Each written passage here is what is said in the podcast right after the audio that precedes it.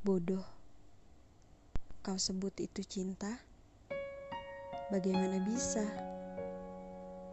Cintamu saja tak disambut oleh dia.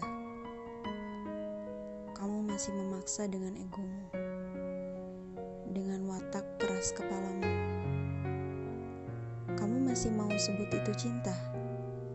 Sedang yang ku tahu, cinta itu berasal dari dua arah. Jangan sampai kamu kehilangan bulan karena terlalu sibuk menghitung bintang.